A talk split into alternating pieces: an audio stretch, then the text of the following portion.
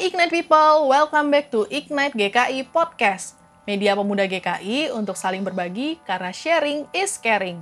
For you are the new listener in this podcast, don't forget to follow us ya di Spotify, YouTube, dan Instagram at ignite.gki. Kalau kamu punya ide-ide seru dan mau dibagi ini dengan kontribusi di Ignite, feel free untuk DM kita ya. Kalian juga bisa mampir ke website kita di www.ignitegki.com. Nah, kalau di episode sebelumnya kita udah denger sharing dari Kak Cia sebagai staff WVI yang mengkoordinir volunteer. Kali ini aku Raya dari GKI Kebayoran Baru Jakarta bakalan ngobrol dengan Kak Monita Tahalea. Kalau biasanya kita tahu Kak Monita ini sebagai penyanyi, ternyata Kak Monita juga sebagai Hope Ambassador dari Wahana Visi Indonesia di mana Kamonita ini udah ikut nih perjalanan WVI ke beberapa tempat untuk menyebarkan harapan dan membangun kehidupan anak Indonesia menjadi lebih baik. Nah, kita ngobrol dulu nih sama Kamonita. Halo Kamonita. Halo semuanya, apa kabar? Raya, apa kabar? Baik-baik. Sehat semua ya? Baik-baik. Kamonita gimana nih? Sehat, sehat, puji Tuhan sehat. Makin sehat jiwa raga asik. nah, Nah, Kak Monita, kan ya. kita sebelumnya tuh taunya Kak Momon ini sebagai penyanyi. Ternyata setelah dikulik-kulik sama tim Ignite Podcast, mm -mm. Kak Monita ternyata juga adalah Hope Ambassadors dari WVI. Yeah. Um, pernah juga ikut keliling-keliling sama WVI ke beberapa daerah di Indonesia, yeah. ketemu sama beberapa anak di sana. Mm. Um, itu boleh cerita nggak kak awalnya bisa jadi ambasador tuh gimana sih sama kenalan sama WVI awalnya gimana tuh? Awalnya, awalnya tuh memang kayaknya memang udah waktunya tuh tahun itu kalau nggak salah uh, antara 2015 sampai tahun 2016 deh kalau nggak salah. Aku ketemuan sama tim dari WVI, salah satunya adalah Cia. Uh, mereka waktu itu mau bikin acara deh kalau nggak salah ya untuk Hari Anak Nasional. Aku rada lupa deh. Aku juga sebenarnya lagi nyari sih. Saat itu aku memang lagi nyari uh, yayasan ataupun eh, NGO memang yang bergerak di bidang sosial gitu. Karena nggak tahu kenapa tahun itu aku lagi bener-bener uh, ada panggilan hati aku lah untuk untuk kontribusi ke sana gitu kan.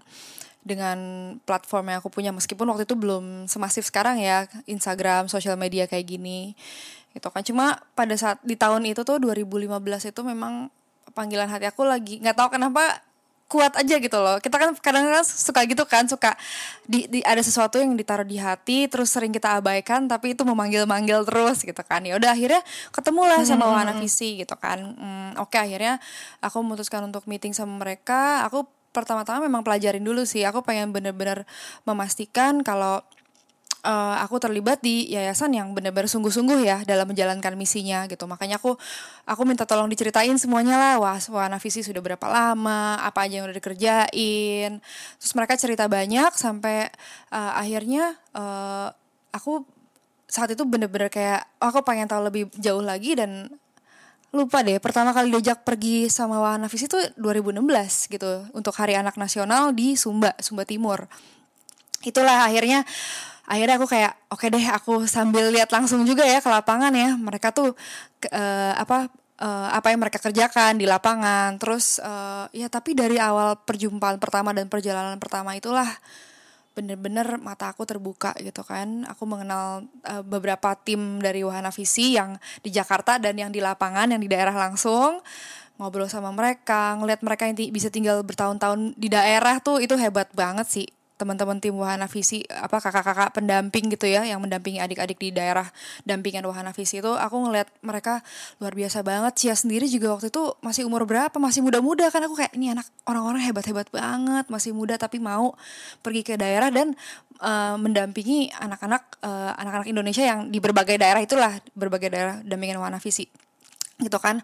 Uh, itu aku cerita ada banyak di perjumpaan pertama karena bener-bener di perjumpaan pertama tuh banyak hal yang aku lihat ya. Uh, aku awalnya pergi karena excited aja nih, oh hari anak nasional, terus mau pergi ke Sumba gitu kan pertama kali, terus pengen pengen kenalan sama teman-teman tim Wahana Visi. Tapi begitu aku sampai sana dan ngeliat uh, anak-anak, wah itu bener-bener hati aku langsung wah kakak ke mana aja ya gitu aku selama ini tinggal di Jakarta dengan dengan segala apa ya uh, privilege yang aku punya gitu dengan segala kemudahan uh, yang kita punya di kota yang besar ini kota Jakarta gitu ya.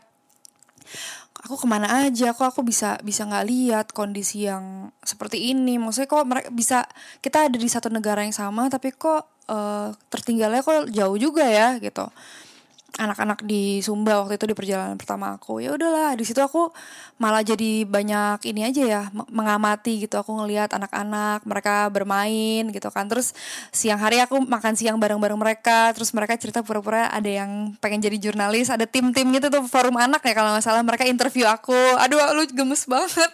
Mereka interview aku gimana kakak sebagai gitu ya Iya, jadi terus uh, maksudnya mereka bener-bener bawa catatan gitu kan, bawa catatan mereka udah kumpulin pertanyaan, pertanyaan tuh hebat-hebat loh, pertanyaan hebat-hebat banget gitu kan, di situlah aku banyak ngeliat duduk sama mereka, terus ada yang diem-diem colek-colek aku bilang kakak aku suka baca puisi, terus dia kasih lihat buku puisinya, aduh bener-bener deh itu ya udahlah pokoknya akhirnya aku siang itu acara sama mereka uh, memperingati Hari Anak Nasional.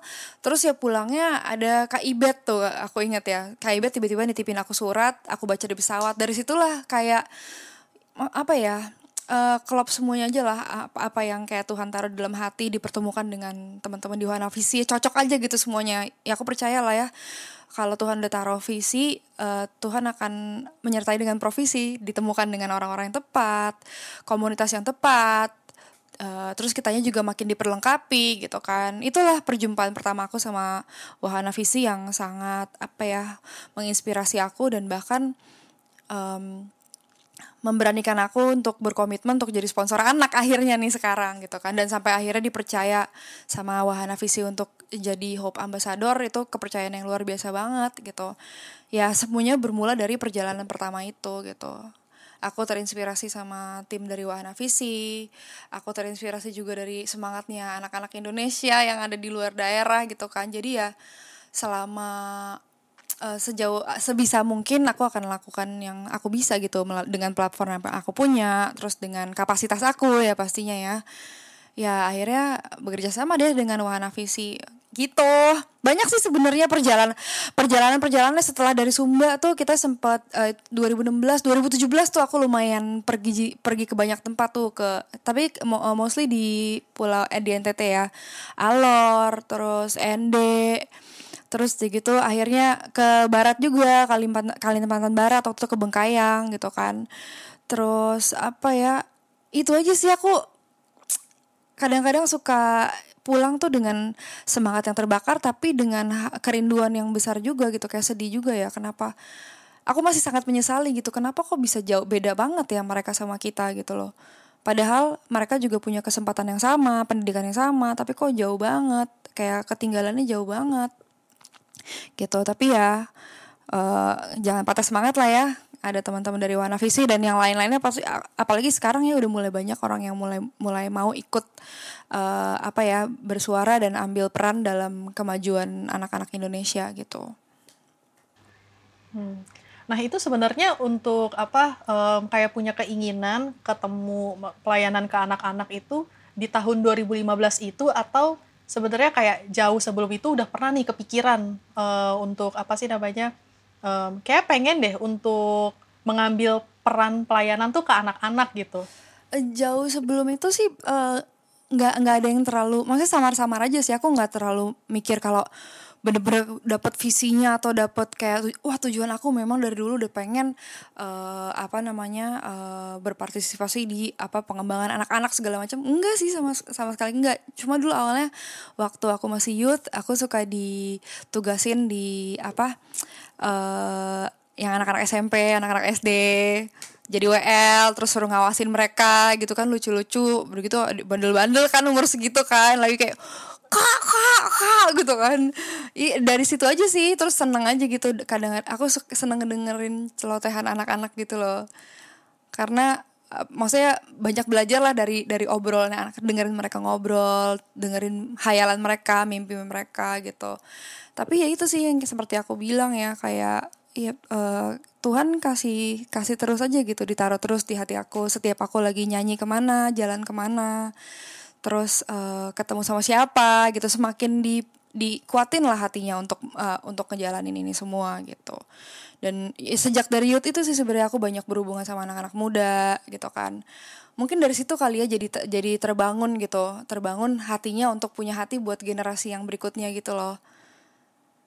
Gitu. Dan kalau di keluarga pun juga aku kan satu keluarga tuh berdelapan adik aku meninggal satu. Jadi memang keluarga aku uh, maksudnya jauh nih aku punya adik yang masih SD nih sekarang gitu kan. Jadi ya makin lengkap aja lah uh, puzzle-nya. Kayak oh iya apa yang aku lakukan ini juga maksudnya uh, dengan harapan bisa jadi benih buat adik-adik aku nanti nih. Adik-adik aku punya nilai yang baik gitu kan. Adik aku masih kelas 6 SD satu lagi kelas 1 SMP kan jadi harapannya mereka juga belajar gitu. Uh, mereka sebagai anak-anak juga punya semangat yang sama gitu. Semangat membangun yang sama semangat kebersamaan yang sama untuk sebagai anak-anak di Indonesia maju sama-sama gitu kan. Itu aja sih har harapannya gitu. Maksudnya uh, nggak mau muluk-muluk yang wow menginspirasi bangsa Indonesia enggak lah dari yang deket-deket aja gitu ya. Teman-teman aku terus kayak gitu adik-adik aku gitu. Kayak gitu sih. Pendengar-pendengar musik aku gitu gitu. Nah, tadi kan uh, sempat disebutin kalau abis dari Sumba, terus habis itu dikasih surat nih sama Kak Ibet ya. Nah, apakah itu adalah permintaan untuk menjadi Hope Ambassador? Terus kenapa sih mau terima jadi Hope Ambassador? Ada kayak apa ya? Kayak ada misi tertentu nggak gini? Ah, kebetulan banget nih, Wahana Visi nawarin jadi Hope Ambassador. Atau mungkin komunitas yang kayak, aku pengen dong untuk pelayanan lebih lagi gitu lewat Wahana Visi. Gimana tuh ceritanya? Enggak sama sekali loh jadi uh, waktu itu kak kak kak Iwa tuh nungguin aku di uh, di bandara kan. Aku udah kayak aduh surat apa nih? Cuma aku udah deg-degan deg-degan seneng gitu loh. Karena kan abis apa abis excited banget kan main sama anak-anak segala macem. Pas aku buka di pesawat itu bener-bener meleleh sih hati aku. Maksudnya waktu aku pergi tuh malah aku dapat belajar banyak hal kan. Aku dapat banyak pengetahuan banyak pengalaman. Aku bisa maksudnya pandangan aku bener-bener terbuka lah saat itu. Belum ada ngomong-ngomong sama sekali untuk Hope Ambassador. Kak Ibet bener-bener cuma bilang e, Monita terima kasih ya atas kedatangan kamu katanya gitu terus ini sih bagian yang paling bikin aku kayak uh, apa uh, belum pernah aku melihat anak-anak uh, dengan tawa yang seceria itu. Aku langsung uh, wow. Ba baru ba baru kali ini aku melihat anak-anak seceria tadi. Monita terima kasih kamu telah ini kamu telah aduh aku sampai astaga aku nggak bawa apa-apa kak. Aku datang cuma nyanyi buat mereka. Aku maksudnya saat itu juga aku dalam keadaan yang kayak aduh aku bisa kasih apa ya buat mereka? Aku cuma bisa nyanyi buat mereka. Maksudnya aku bukan dokter atau apa dengan segala pengetahuan yang bisa ngajarin mereka atau apa gitu. Cuma bisa datang duduk bersama dengan mereka terus nyanyi sama-sama mereka tapi terus dapat surat ya kayak gitu.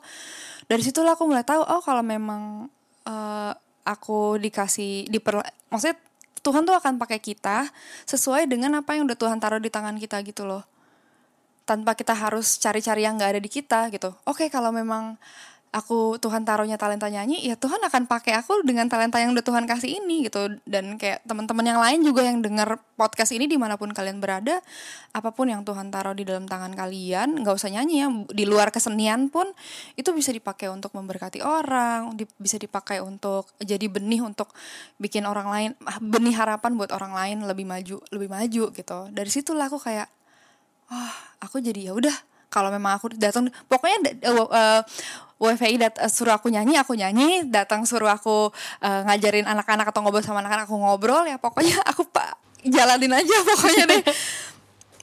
Dari situ sih ikut, ikut aja, aja deh gitu ya? mereka minta aku apa oke ikut aja ayo apa deh yang aku yang aku bisa gitu.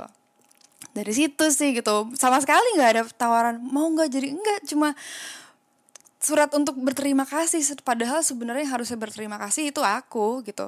Karena dari perjalanan itu uh, apa ya aku bis, bisa aku bilang aku jadi orang yang bener-bener berbeda banget cara berpikir aku cara aku melihat uh, inilah. Bahkan aku dalam menjalani menjalani karir aku juga jadi berbeda banget gitu. Kalau dulu aku cuma mikirin oke okay, jenjang karir mau apa nih nyanyi sampai mana sampai mana. Sekarang aku udah mikirin oh iya ya di nyanyi aku ini uh, apa ya aku akan bikin dampak apa ya de, buat generasi yang berikutnya lewat uh, nyanyi aku ini aku bisa bikin apa ya gitu dari situlah karena ketemu orang-orang yang seperti itu aku pun jadi orang yang nggak mikirin diri sendiri gitu jadi punya hati untuk mikirin orang lain, generasi yang lain gitu kan. Dan kalau kalau aku sebagai pribadi mungkin nggak nggak akan punya pikiran itu gitu. Tapi dari perjalanan itulah jadi terbuka semuanya. Oh ternyata panggilan panggilan yang mengusik hati aku tuh itu punya hati buat orang lain, punya hati buat generasi gitu kan. Seperti itu. Nah, waktu itu kan pas pertama kali datang itu ke Sumba Timur ya. Itu Iya. tepatnya di mana sih Kak? Itu cuma nyanyi doang atau misalnya ada satu anak kah yang kayak kita kenalan banget gitu sama komunitasnya kenalan banget sama anak itu gitu. Boleh ceritain nggak? Dan pertama kali turun ke lapangan itu rasanya tuh gimana sih? Maksudnya kayak signifikan bedanya di Jakarta sama terus itu ke Sumba Timur gitu. Aduh beda banget. Apalagi kita kan nyanyi di tengah lapangan gitu kan. Terus anak-anak tuh datang udah naik apa truk-truk gede gitu. Mereka datang tuh dari jauh-jauh loh. Perjalanan mereka tuh jauh loh. Mak aku nggak kebayang dari perjalanan jauh itu mereka uh, naik truk semangat. Begitu turun mereka joget mereka nari-nari.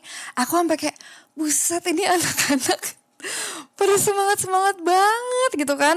Maksudnya eh, aku waktu itu berinteraksi dengan banyak anak-anak. Aku sempet taruh juga sih di Instagram aku gitu. Kita nyanyi sama-sama mereka juga kasih performance gitu kan. Eh, jadi kalau in- interaksi sih memang ada satu anak yang eh, aku eh, yang yang paling aku ingat. Karena waktu itu awalnya ketemu dia tuh kayak ngambek gitu. Namanya Nona Hmm, kenapa nggak tuh? tahu. Makanya kakak-kakak pendamping tuh yang pada oh iya nona gini jadi gitu. udah tapi aku penasaran kan aku bujuk-bujuk terus. Akhirnya sampai terakhir tuh duduk di sebelah aku terus tuh. Itu cuma duduk aja duduk dengerin terus lihat gitu kan ngeliatin ngeliatin gitu kan. Itulah maksudnya apa seneng sih waktu itu punya pengalaman bener-bener duduk sedekat itu sama sa- eh, sama anak-anak. Itu sih eh, aku bertemunya dengan banyak anak-anak sih waktu itu ya. Dan rata-rata juga selalu ketemunya sama banyak anak-anak ya. Kalau yang pas awal-awal itu ya karena kan kita merayakan Hari Anak Nasional terus kalau yang di Alor tuh acara minat dan bakat anak-anak Alor waktu itu. Gitu jadi memang saat itu ketemunya dengan banyak anak-anak. Gitu. Nah, selain dari eh, datang ke tempatnya terus itu nyanyi bareng gitu kan sama anak-anak, em, komunitas ini kan juga jadi sponsor anak nih. Em, itu boleh cerita nggak sih kak sponsor anak itu apa sih maksudnya? Oh sponsor. Oh sebelum jadi sponsor anak aku tuh inget ya eh tra- yang yang tadi kamu ngomongin anak-anak di Kalimantan deh di Kalimantan Barat Bengkayang itu tuh eh, itu aku sempet live in eh, aku sempet nginep di desa tuh di rumahnya namanya anaknya Sela Seli Sela dan Seli adik kakak tuh mereka di Nah, iya, iya tuh. iya iya Aku sempat lihat juga di Instagramnya Iya, iya, kamu iya, iya, itu tuh. aku lupa. Siapa tuh Sela Jadi Seli? Sela dan Sally ini kakak adik, mereka kelas berapa ya? Oh, umurnya lima tahun eh tujuh tahun sama 9 tahun atau lima tahun sama tujuh tahun pokoknya mereka cuma beda dua tahun. Jadi eh, aku sama tim Wahana Visi eh, nginap di Desa Bengkayang di rumahnya Sela dan Sally ini.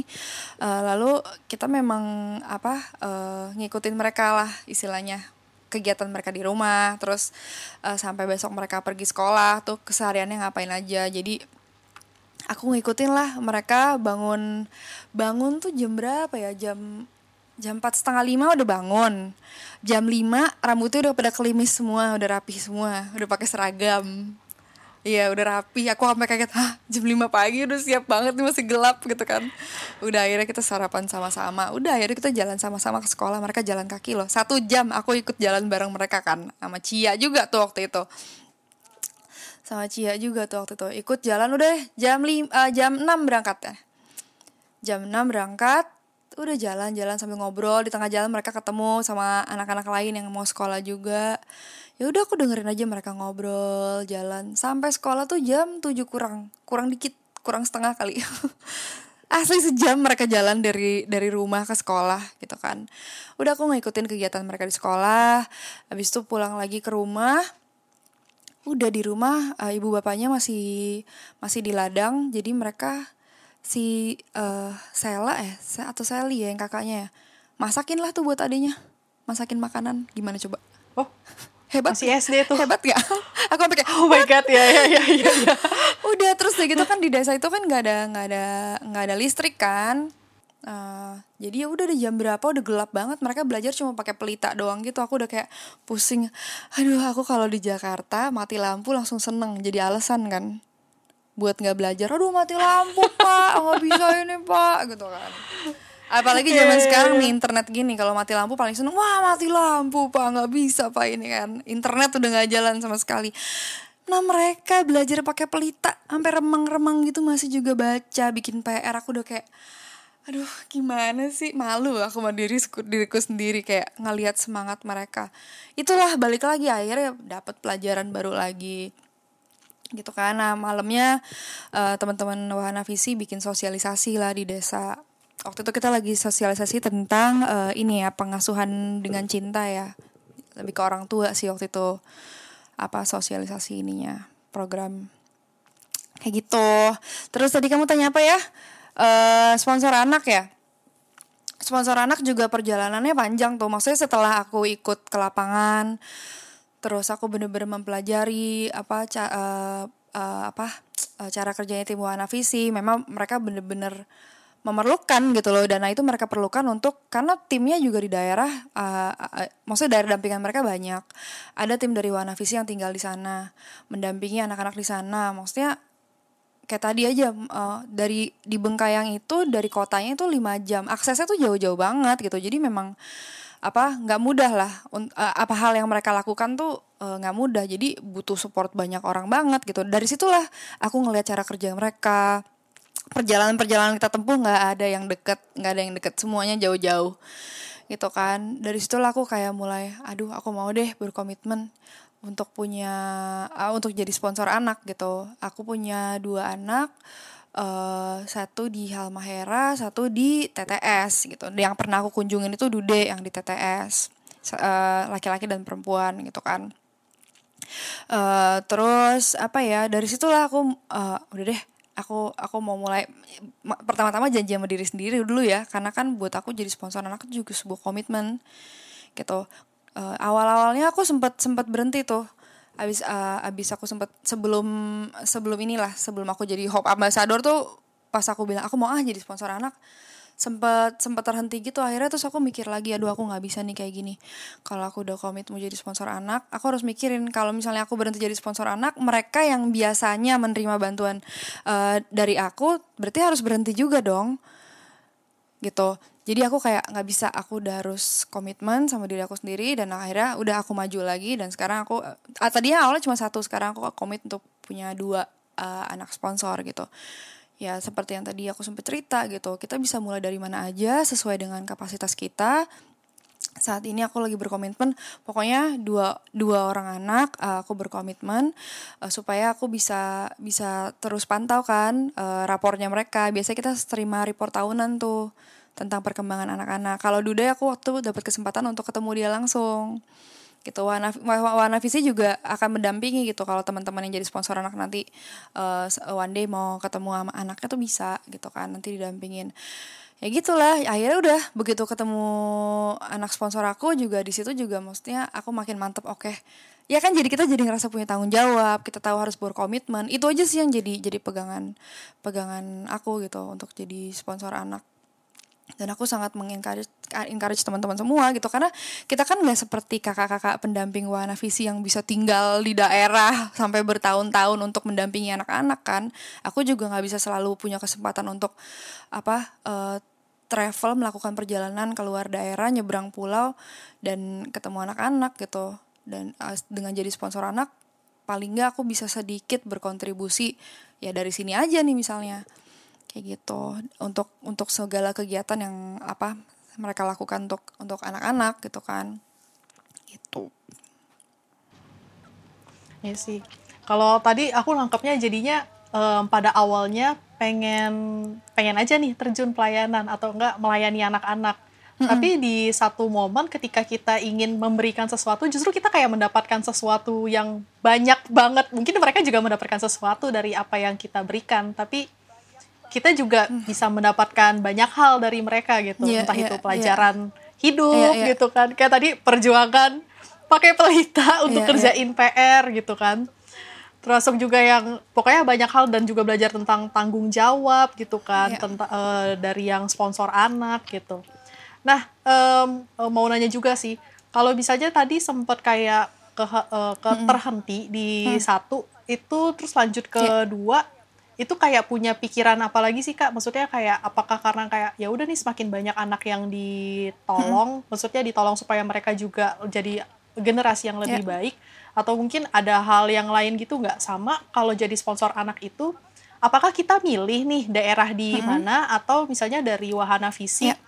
ngasih untuk kayak kira-kira nih ini kebutuhannya nih seperti yeah, ini yeah. gitu. Jadi kayak gimana sih tuh prosesnya sponsor Kalau anak? Kalau prosesnya jadi sponsor anak, teman-teman tuh bisa langsung buka aja website Wana Visi. Di situ juga ada informasi langsung sponsor anak atau bisa langsung ke Instagram aja. Kalian bisa DM, mereka tanya-tanya, mereka pasti akan dengan senang hati menjawab pertanyaan kalian gitu. Tapi kalau di websitenya itu bisa teman-teman bisa lihat uh, ada tuh pokoknya sponsor anak daerah-daerahnya. Terus kalau nanti kita udah hubungin mereka, mereka biasanya kasih kok uh, linknya gitu. Nah, aku juga waktu itu ini anak pilihan aku kayak Dude uh, 11 tahun sekarang Dude umur udah 11 tahun dari TTS, dari TTS memang aku udah lihat kan oh aku mau uh, anak sponsor aku mau sponsorin satu anak perempuan dan satu anak laki-laki gitu kan uh, satu Dude uh, yang satu lagi Nur Anissa di Halmahera Utara. Itu aku pilih semua. Aku yang pilih aku yang pilih oh 10 tahun. Nah awalnya waktu yang uh, terhenti tuh uh, mereka sambungin lagi. Dude tuh sempat terhenti. Mereka sambung sambungin lagi. Kalau Anissa mereka uh, waktu itu tim Wana Visi bantuin aku pilih gitu.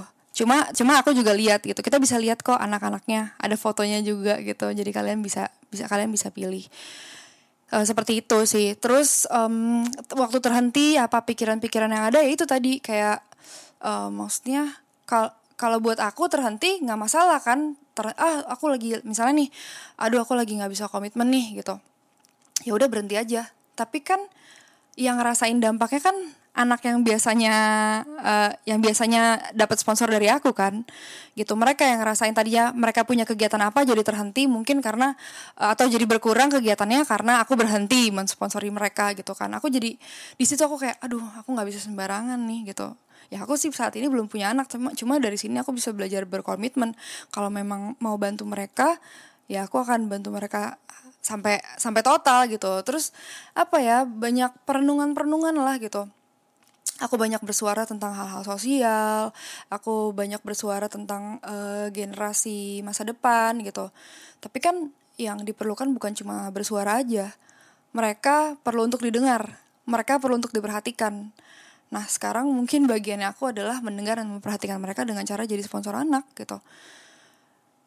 Gitu sih maksudnya hari-hari ini hari-hari ini hari-hari banyak yang bersuara padahal lebih banyak lagi orang yang butuh didengar dan masalahnya teman-teman kita yang anak-anak ini yang ada di daerah ini butuh didengar suaranya.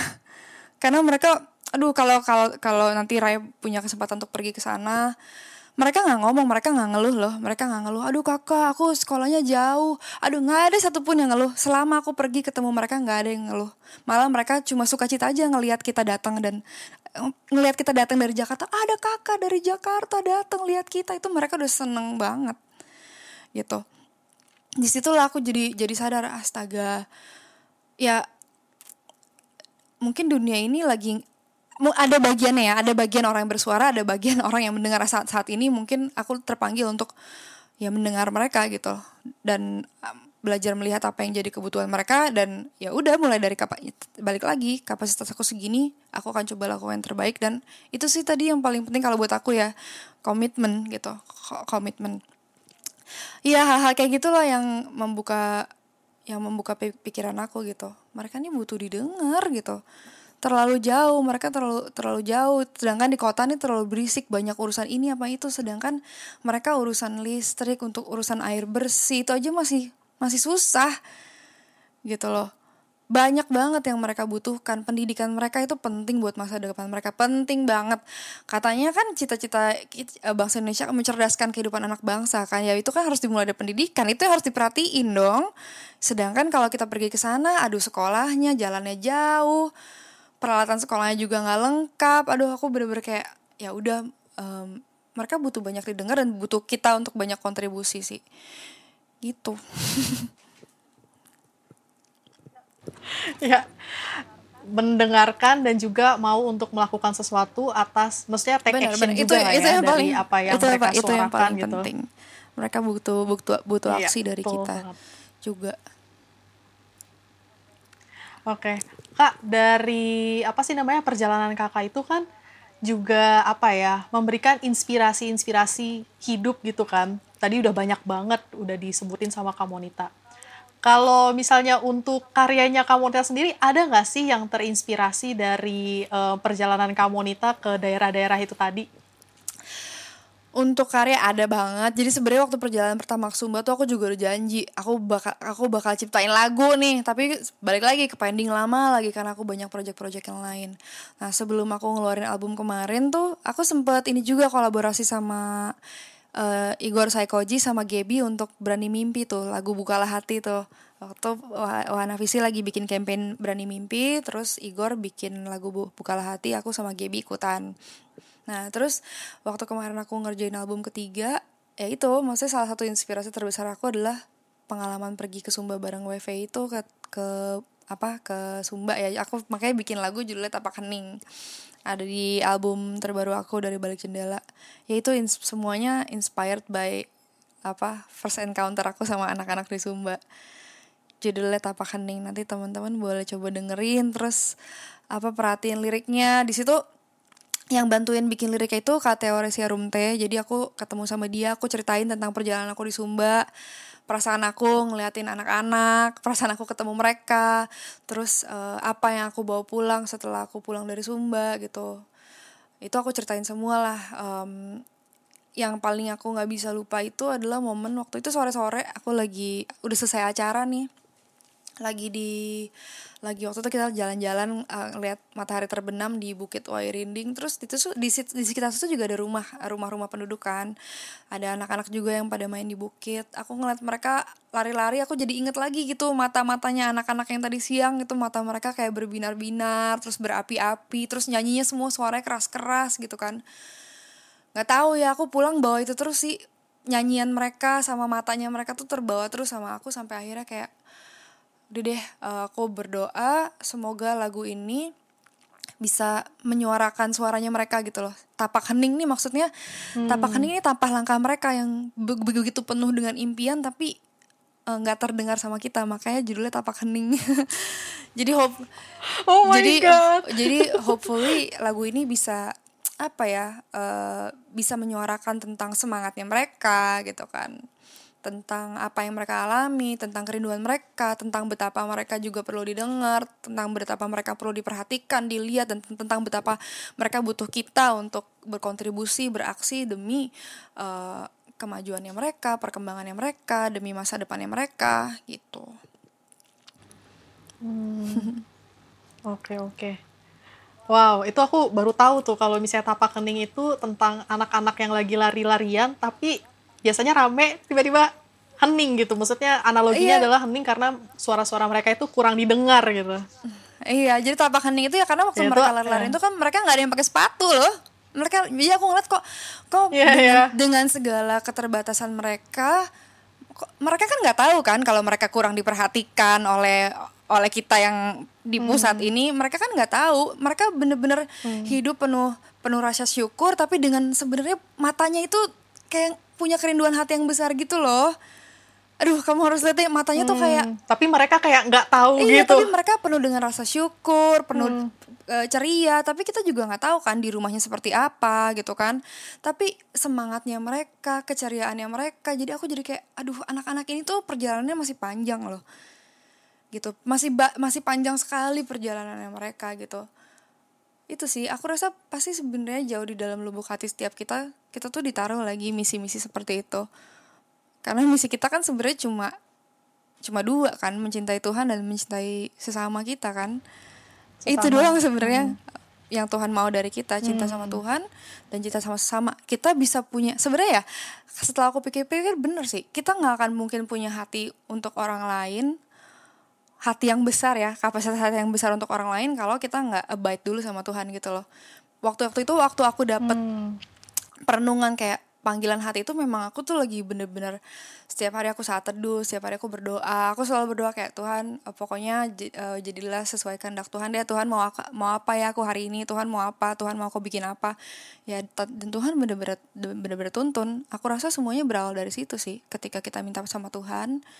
Tuhan aku sebenarnya uh, Tuhan tujuan Tuhan ciptain aku tuh untuk apa tuntun tuntun aku untuk bisa jalan seturut dengan kehendakmu supaya kehidupan aku boleh memuliakan nama Tuhan gitu kan mulai dari situ sih sebenarnya akhirnya ya Tuhan bawa lah sampai sampai ke saat ini ketemu Wahana Visi sampai Tuhan taruh untuk jadi sponsor anak ya aku aku rasa itu semuanya hatinya dari Tuhan ya uh, gitu dari situ sih hmm. baru kita bisa hmm. punya hati buat orang lain.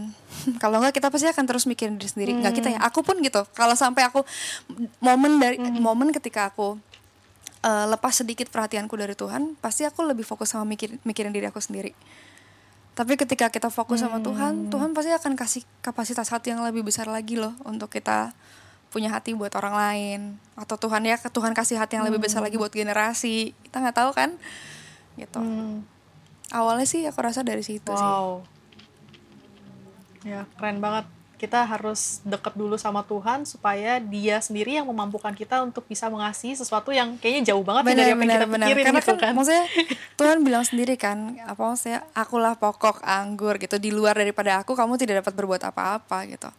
Aku juga banyak, aku banyak hmm. mengevaluasi hati aku sih ketika aku mau terlibat di warna visi. Yang pertama, aku nggak mau ini jadi agenda pribadi aku aku nggak mau terlibat di mm-hmm. wahana visi cuma sebagai supaya aku diakui kalau aku wah monitor sosial banget itu jangan sampai ada motivasi-motivasi hmm. seperti itu gitu jadi aku harus selalu selidikin hati aku juga gitu jangan sampai aku ngelakuin ini uh, tapi agendanya berbeda seperti yang sebenarnya Tuhan taruh awalnya di hati aku gitu butuh banyak itu balik lagi hmm. harus terus harus terus makanya kita kan begitu setiap mulai sesuatu kita berdoa berdoa supaya Tuhan selalu selidikin hati kita supaya apa pun yang kita lakukan ini jadi sponsor anak kah jadi volunteer kah atau terlibat di mana pun kita tetap melakukan semuanya ya dengan hati yang tertuju sama Tuhan untuk kemuliaan Tuhan gitu karena sejauh apa pun tangan kita menggapai sejauh apa pun tangan kita bekerja untuk kebaikan uh, kalau misalnya dasarnya bukan Tuhan kita nggak tahu kan berkenan atau enggak yang paling kita pengen kan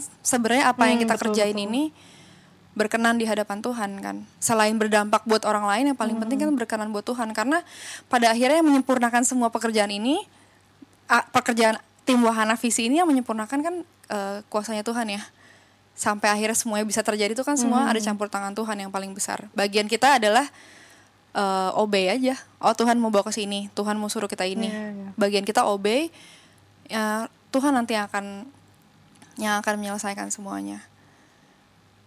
Itu hmm, wow keren banget. Keren banget. Ini juga jadi apa ya jadi reminder juga sih untuk kita semua gitu. Untuk apa sih namanya ya kembali lagi gitu. Bahkan untuk hal yang kelihatan baik sekalipun kalau misalnya memang Tuhan gak berkenan ya nggak akan jadi. Tapi kalau misalnya Tuhan berkenan dia yang akan memampukan gitu kan. Walaupun tuh kayak di pikiran kita kayaknya nggak mungkin deh. Iya. gitu. Karena yang nah, yang menyelamatkan kita kan bukan perbuatan baik. Hmm. hmm. yang menyelamatkan kita kan iya, bukan betul, betul, perbuatan betul, baik betul. tapi kasih karunia. Kalaupun sampai kita bisa punya hati buat orang lain itu berarti anugerah. Tuhan kasih anugerah hati seperti itu buat kalian. Itu datangnya semua dari Tuhan Hmm. Wow. Nah, Kak, dari rangkaian pengalaman Kakak itu ke berbagai ya. daerah gitu. Apa sih kayak cerita yang paling apa ya, yang paling mengena banget gitu -hmm. di lapangan buat Kamonita dan itu benar-benar mengubah cara pandang ataupun juga mungkin um, kepribadian hmm. gitu. Pokoknya mengubah Kamonita banget nih gitu. Yang cerita yang paling paling mengubah lah gitu. Apa ya? ceria cerita yang paling ya itu sih perjalanan. Semuanya sih kayak di Bengkayang aku seharian sama mereka. Maksudnya setiap perjalanan itu uh, mengasah aku. Setiap perjalanan itu um, memurnikan hati aku gitu. Karena ada sebenarnya ada satu momen tuh waktu mau pergi ke Bengkayang. Sebenarnya kita aku sempat undur jadwal. Nah di tahun uh, itu tahun berapa ya? 2018 itu bener-bener tahun di mana aku lagi sebenarnya uh, secara pribadi lagi banyak goncangan banget gitu. Jadi waktu waktu mau pergi tiba-tiba aku sakit. Tapi sakit itu sebenarnya bukan bukan bukan sakit yang kayak penyakit apa gitu. Sakit itu kayak sakit gimana sih? Mentally physically exhausted gitu loh. Jadi aku suka panik hmm, attack apa segala macam gitu kan. aja. Mm -mm, jadi kayak udah bener-bener lagi-lagi burnout banget gitulah pokoknya. Lagi dalam kondisi mental sama spiritual yang wah lagi enggak banget lah gitu. Tapi ya itu uh, waktu mau pergi aku bener-bener kayak doa dan waktu itu juga aku ingat banget Cia bilang teman-teman dari WFI juga bantu doa aku supaya aku sehat segala macem. Udahlah gitu uh, dari situ sih maksudnya sebenarnya uh, seluruh pengalaman perjalanan selama berapa nih berarti udah empat udah tahun kelima nih berarti aku jalan sama Wahana Visi uh, itu sih aku maksudnya sebelum sebelumnya nggak pernah kenal sekalipun gitu sama teman-teman Wahana Visi tapi dalam menjalani ini kita saling mendoakan. Gitu dalam menjalani ini kita saling mendukung. Dalam menjalani ini punya hati yang sama untuk generasi eh, anak-anak Indonesia gitu kan. Itu kan maksudnya itu hal yang besar banget loh. Itu apa ya kesatuan hati yang kayak gitu kan itu apa ya supernatural loh. Ya kan? Mm-hmm. sebenarnya kan itu yang jarang juga sih sebenernya, untuk ada sebenarnya gitu kan, kan. itu yang Tuhan mau supaya anak-anaknya itu punya apa ya? Punya kualitas nilai-nilai kerajaan Allah gitu kan. Terus begitu ketemu teman-teman dengan hati yang seperti itu, jadi kayak wah gila, emang kita tuh semua apa ya? Masing-masing punya peran dalam dalam misi misi ini ya gitu. Itu sih sebenarnya pelajarannya tuh yang spesifik kayak itu sebenarnya kayak wah bener-bener Tuhan tuntun belajar dari banyak orang gak cuma anak-anak doang ya. Sama itu tadi aku sering bilang kan maksudnya dari timnya Wahana, Wahana Visi itu loh aku bener-bener apalagi yang tinggal di daerah aku tuh nggak ngerti mereka hatinya gimana ya. Karena kan banyak di antara mereka yang punya keluarga dua minggu sekali mereka harus pulang untuk ketemu keluarga. Dua minggu berikutnya mereka ke daerah lagi. Itu kan gimana sih? Butuh pengorbanan balik lagi komitmen. Itu kan gila banget gitu. Aku ngeliat itu bener-bener kayak ya Tuhan uh, di situlah pokoknya banyak mengubahkan kayak nilai aku cara aku cara aku berinteraksi dengan orang cara aku memandang orang. Udah ya nggak nggak ngelihat orang tuh sebagai dia siapa apa latar belakangnya apa udah nggak kayak gitu lagi. Ngelihat orang ya jiwa aja jiwa yang yang sama-sama Tuhan sayang juga gitu. Banyak banget sih kalau mau dibilang yang aku pelajari ya maksudnya mendewasakan aku juga sebagai seorang pribadi gitu. Tapi yang paling aku pegang itu ya memurnikan hati ya. Itu yang the most, the most highlight, itu gitu sih ya? hati yang hati yang murni gitu. Karena kalau aku ngelihat teman-teman yang di teman-teman wifi yang di daerah juga udah mana sinyalnya jarang di sana mau pamer sama siapa kan? Mau pamer sama siapa? Tapi bener-bener harus dengerin uh, curhatan anak-anak atau ngawasin anak ini butuh ini anak ini butuh ini atau itu gila sih. Dan ya dari kacamata aku mereka melakukan itu semua dengan kemurnian hati gitu. Itu sih the most highlightnya hmm. hati yang murni. Mahal itu Iya banget banget itu perlu diasah ya. terus menerus biar jadi murni. Nah waktu itu juga um, dari tim nih termasuk hmm. aku juga sih udah kepoin juga kan kamu pernah di ikutan kepoin ada di YouTube um, diwawancara soal album pertama itu kan Dream, mm -hmm. Hope, and Faith. Terus abis itu album kedua tuh Dandelion juga ngomongnya soal Hope juga. Terus sekarang jadi Hope Ambassador di WVI. yeah, yeah. itu Wah itu kayaknya hope semua tuh berbau harapan semua. Kalau menurut kamu Nita nih, um, harapan itu apa sih buat kamu Mon? Wah harapan ya Aku juga baru sadar ya, iya ya bener album aku semua banyakin ngomong harapan ya. apa ya? apa ya yang yang bisa yang bisa bikin aku terus berjalan sampai sejauh ini gitu, terus uh, terus bertumbuh ya dalam nama Tuhan Yesus bisa berbuah. Semoga ya, karena buah kan yang ngerasain orang lain, semoga berbuah. Apa nggak ada satupun yang lepas dari pengharapan sama Tuhan gitu loh. Itu yang selalu aku pegang itu sampai dulu kan aku tuh suka banget quote quotes gitu kan. Terus ayat-ayat Alkitab yang menguatkan kita. Karena kan kita kan live by faith not by, by sight. Kita kita belum ketemu sama Tuhan gitu. Tapi Roh Kudus itu selalu menuntun kita dan aku tuh di hari-hari aku tuh aku bener-bener ngerasain gitu loh. Tuhan tuh kasih kekuatan, kasih pengharapan tuh aku bener-bener ngerasain. Dari mana aja ya, dari keluarga atau dari ya Tuhan tuh kan kalau berbicara sama kita personal gitu kan. Dia kalau kasih tanda tuh sesuai dengan yang bisa kita ngerti gitu. Aku tuh ngerasain banget kalau Tuhan tuh sayang sama sama aku gitu kan. Makanya setiap aku mulai karya setiap aku nulis lagu setiap aku kelarin sebuah album begitu dipikirin cari judul aku nggak bisa jauh-jauh dari dari dari dari Tuhan sih. Karena yang bener-bener menginspirasi aku ya sebagian besar itu semuanya ya karya Tuhan dalam dalam hidup aku gitu. Sampai dulu dulu suka ada temen yang akhirnya jadi sebel gitu sama aku. Waktu dia dia kirim pesan gitu masih di Twitter kalau nggak salah kenapa sih lo ngomongin harapan terus? Dunia itu nggak selalu yang indah-indah aja tau? Gitu. Lo tuh ngomongin harapan terus aku kayak hah? Terus aku diem aja aku balas apa ya? Terus aku bilang aja sama dia ya gimana ya? Satu-satu yang bisa yang memampukan gue berjalan sampai sekarang tuh cuma pengharapan. Gue udah gak punya apa-apa lagi selain pengharapan sama Tuhan. Itu doang yang bisa bikin gue masih hidup sampai sekarang aku bilang gitu kan. Itu sih kayaknya kayak nggak tahu deh. Maksudnya kayak aduh aku tuh ada perasaan longing gitu loh. Aku selalu menantikan aduh Tuhan nih bentar lagi dateng nih. Jadi pengharapan aku tuh besar banget pengen cepet-cepet ketemu bukan pengen cepet-cepet ketemu Tuhan dalam arti yang ini ya maksudnya kayak Iya kan? Maksudnya kayak Iya nggak tahu aku selalu ngerasa iya bener ya kayak gue cuma sementara di dunia ini deh. Kapan ya Tuhan datang ya? Pengen cepet-cepet deh ketemu sama Tuhan. Itu loh pengharapan itu yang bikin aku kayak eh, Tuhan Tuhan mana? Tuhan Tuhan mana? Ketemu gitu. Sampai nggak tahu setiap aku hmm. bikin lagu tuh yang aku inget itu terus gitu karena kan biasanya kalau bikin lagu kan sendirian lagi dalam perenungan gitu kan. Nggak tahu deh aku kalau lagi dalam di lagi merenung baca Alkitab gitu aku kayak suka ngerasa Tuhan tuh kayak di sebelah aku gitu loh. Kayak di sebelahku terus terus dengerin terus kayak udah ada aja gitu sama aku. Itu sih pengharapan. Makanya aku kalau mikirin apa apa ya yang menginspirasi aku ya Tuhan aja kayak gitu. Makanya itu aku juga kalau lihat iya kok isinya harapan semua ya karena udah menghidupi jadi nggak sadar ya keluarnya tentang harapan iya, semua aku juga nggak nggak nggak menyadari gitu. Karena maksudnya album bisa selesai aku mampu bikin lagu aja juga aku kadang ngerasa kok aku bisa bikin lagu ya? Kok aku bisa nyanyi ya? gitu. Aku tuh suka bertanya-tanya kayak kok Tuhan bawa aku ke sini ya? gitu. Ya semuanya karena pengharapan sama Tuhan aja kayak Tuhan tolongin aku mampuin aku apa? Itu doang sih maksudnya. Jadi makanya hmm. mungkin ya jadinya keluarnya iya ya harapan semua. Harapan sama Tuhan ya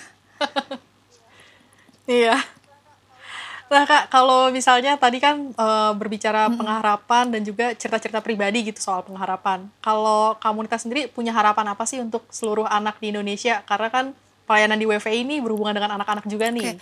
Kalau untuk ini eh, ngomongin anak-anaknya Indonesia ya, anak-anaknya sendiri. Kalau aku kayak aku inget-inget anak-anak yang pernah aku ketemu, aku harapan pokoknya harapan aku sama mereka, mereka tetap tetap uh, apa ya, tetap keep semangat mereka yang besar itu, semangat untuk belajar, semangat untuk maju, rasa ingin tahu yang besar, terus uh, apa ya? ya curiosity ya gitu. Rasa ingin tahu yang besar terus hati yang murni. Dan beberapa anak yang aku temui itu sangat bold sekali loh. Bold dalam arti mereka mereka berani dan mereka tuh ngerasa aku tuh punya kesempatan yang sama aku boleh nih tinggalnya 10 jam nih dari kota nih tapi bold gitu loh aku punya aku aku mau jadi ini aku mau jadi ini aku mau jadi ini wah gila nih anak keren keren banget gitu jadi aku aku harap mereka juga uh, terus punya rasa ingin tahu tahu yang besar, pengen belajar. Terus yang paling penting adalah uh, saling bantu teman-temannya satu sama lain, saling sayang. Itu itu kunci utama banget deh. Satu sama lain saling bantu gitu. Saling bantu teman-temannya untuk maju. Nah, untuk generasi uh, generasi aku kali ya, milenial atau teman-teman yang teman-teman generasi muda dengan yang punya privilege gitu, uh, ayo kita sama-sama uh, buka hati kita untuk untuk lihat di luar dari kenyamanan kita sekarang gitu. Karena buat aku memang lagi pandemi semuanya lagi mengalami hal yang gak enak. Tapi kita masih punya internet masih bisa masih bisa work from home masih bisa masih ada yang bisa kita upayakan gitu loh. Maksud aku, uh, maksud aku ya itu sih aku berharap uh, kita bisa buka hati kita untuk orang lain. Karena justru masa-masa sulit seperti inilah masa-masa di mana uh, hati kita diuji gitu. Apakah kita akan sibuk mikirin diri sendiri atau malah kita akan malah buka hati untuk lebih banyak orang lagi gitu. Karena nggak tahu ya ini pengalaman aku ya makin aku mikirin kesusahan aku aku nggak akan bisa ngelihat titik terang gitu loh. Karena yang dilihat cuma masalah masalah masalah. Tapi justru ketika aku duduk dan denger dengerin orang cerita apa uh, dengerin orang cerita tentang kehidupannya dia ya aku ngerasa ya memang hidup ini harusnya apa apa dibagi gitu loh. Kesusahan tuh dibagi kesenangan dibagi kebahagiaan dibagi. Itu sih aku cuma harapan itu aja sih kita semua buka hati kita lebih lebih besar untuk generasi Indonesia yang berikutnya aja sih sebenarnya hmm. punya cara pandang yang okay, okay. apa ya yang yang lebih luas juga gitu hmm. nah ini pertanyaan terakhir nih pertanyaan penutup okay. tadi kan udah banyak cerita segala macam nah kalau misalnya hmm. nih ignite people yang dengerin jadi kayak tergerak hmm. oh iya ya pengen juga nih untuk ngebantuin hmm. uh, apa namanya nggak cuma ngebantu anak gitu tapi apa pun itu bentuk pelayanannya hmm. ada tips nggak kak untuk um, apa namanya mereka menyalurkan rasa keinginan mereka untuk bisa bisa berbagi gitu entah itu mungkin ke bidangnya anak-anak juga. Mungkin jadi sponsor anak gitu yeah. kan atau mungkin ke bidang yang lain yeah. gitu. Untuk saat ini sebenarnya kalau kalau kita tergerak untuk untuk bantu atau untuk kontribusi sebenarnya udah nggak sulit lagi ya karena kita bisa bener-bener Google dan cari tahu informasi langsung dari internet aja kita mau apa kita perlunya apa. Nah dan kalau di WFI aku rasa udah sangat mudah sekali teman-teman bisa langsung uh, cek uh, websitenya uh, wahana visi apa ya wahanavisi.org ya kalau nggak salah ya. Pokoknya ada semua deh kayaknya di Instagram mereka gitu. Di Instagram mereka Wah Wahana Visi Indonesia teman-teman bisa lihat tuh di profilnya mereka tuh ada semua tuh. Mau WhatsApp ke mau website ke kalian bisa lihat mereka juga punya banyak program. Kalau untuk aku juga perhatiin untuk kayak kemarin ada bencana banjir atau waktu itu gempa mereka cepet tanggap dan teman-teman bisa langsung lihat kok update informasi mereka kalau kalian mau bantu harus ke mana apa yang diperlukan itu mereka selalu update juga di di apa di sosial medianya mereka. Jadi teman-teman bisa langsung bisa langsung lihat sih ke sana.